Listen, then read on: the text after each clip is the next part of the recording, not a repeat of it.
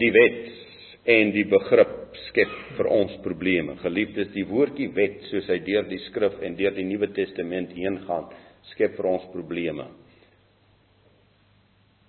Want die woordjie wet soos hy in die Griekse taal voorkom, kan ook 'n verordening of 'n instelling beteken. En nie 'n wet wat nooit kan verander nie. Kyk, iemand onthou, daar is wette wat nooit kan verander nie, maar daar is orde, reëlings of instellings wat kan verander. Nou ongelukkig in die vertaling van hierdie woord is hy in sy verband nie altyd duidelik vertaal nie. Het ons nou te doen met 'n onveranderlike wet van die koninkryk van God of het ons te doen met 'n tydelike of 'n instelling binne die ruimte van die ou verbond wat saam met die ou verbond verander of weggeval het. Kom ons lees Hebreërs 7 vers 12. En wat hier staan is baie belangrik. Want met die verandering van die priesterskap kom daar noodsaaklik ook verandering van wet. Met die verandering van priesterskap kom daar ook verandering van wet. Nou sal u weet die Ou Testamentiese geskiedenis was gelei en gehou binne die Levitiese priesterskap. Levite. Nou lees ons Joshua is hy die stam van Juda. En hy's volgens die orde van Melchisedek. So ons het 'n totale ander priesterskap wat ook binne die nuwe verbond in werking tree. Terwyl ons in die Ou Testament 'n Levitiese priesterskap gehad het wat in werking was.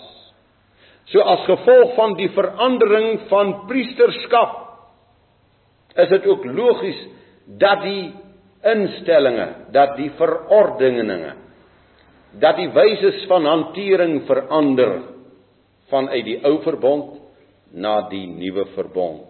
So dis logies dat daar dinge is wat verander word wat 'n ander op 'n ander manier gedoen word. As u nou die rituele gaan lees, hoe moes daardie volk sekere dinge doen? En u kyk nou eenvoudig het Jawe dit vir ons nou kom maak deurdat dit bloedloos geword het. Dit is verskriklik belangrik dat u tog daardie teksversie in Hebreërs 7 vers 12 sal onderstreep in u Bybel. Met die verandering van priesterskap ook verandering van wet. Nou goed, nou wil ek hê u moet hierdie woordjie wet nou nie interpreteer die wet van die koninkryk. Die wet van die 10 gebooie. Die wette wat vas lê wat onveranderlik is.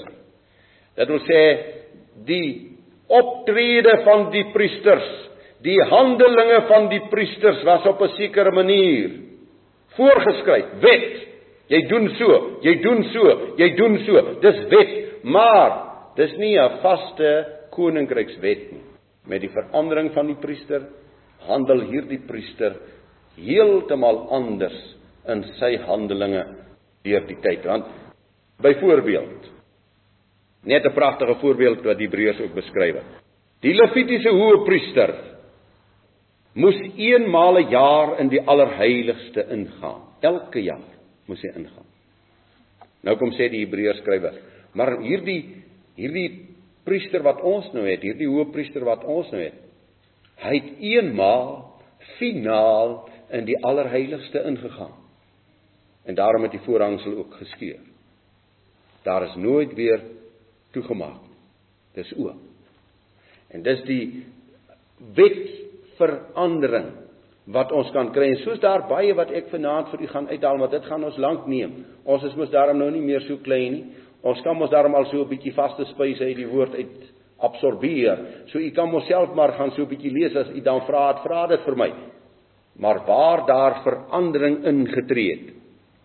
As u die rituele wette, offerwette, samenhangende feeswette, as u dit as afgehandel sien, dan sien ons dit nie as vaste koninkrykswette nie.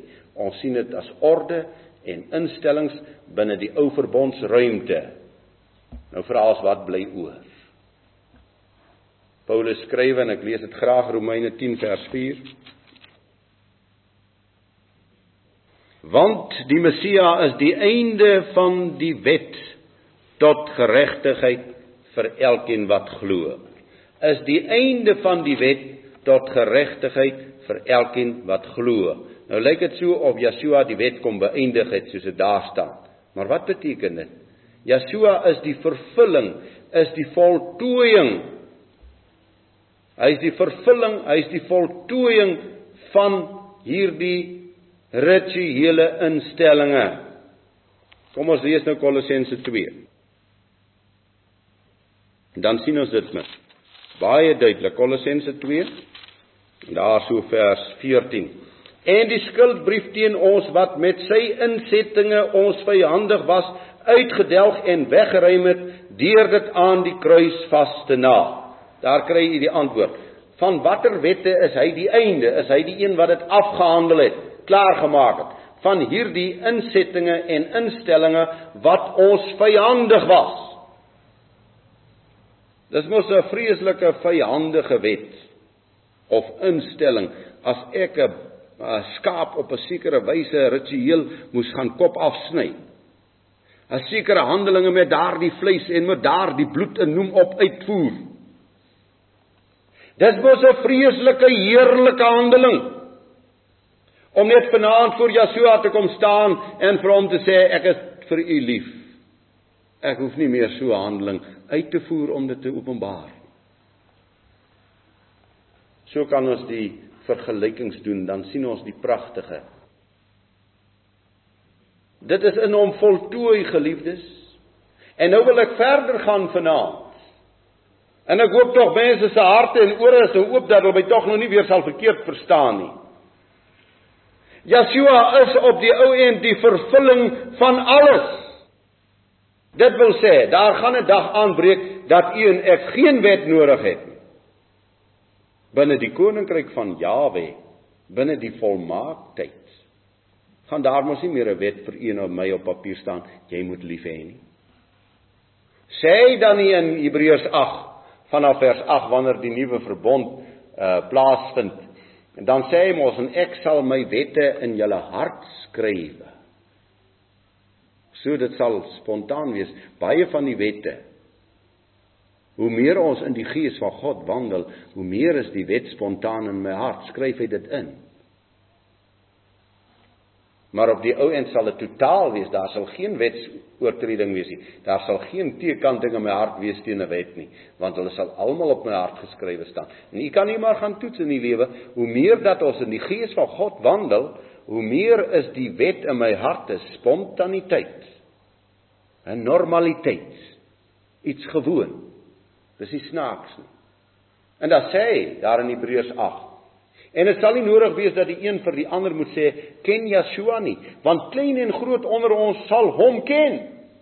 Vanaand leer ons nog mekaar ken hom, wees lief vir hom. Maar daar kom wanneer hierdie volmaaktheid kom. So Yeshua is op die ou en die vervulling van alles. En hoe meer dat hy as die vervulling van alles beheer kry in my lewe, hoe meer is daar die spontane handeling soos wat hy sou gehandel het.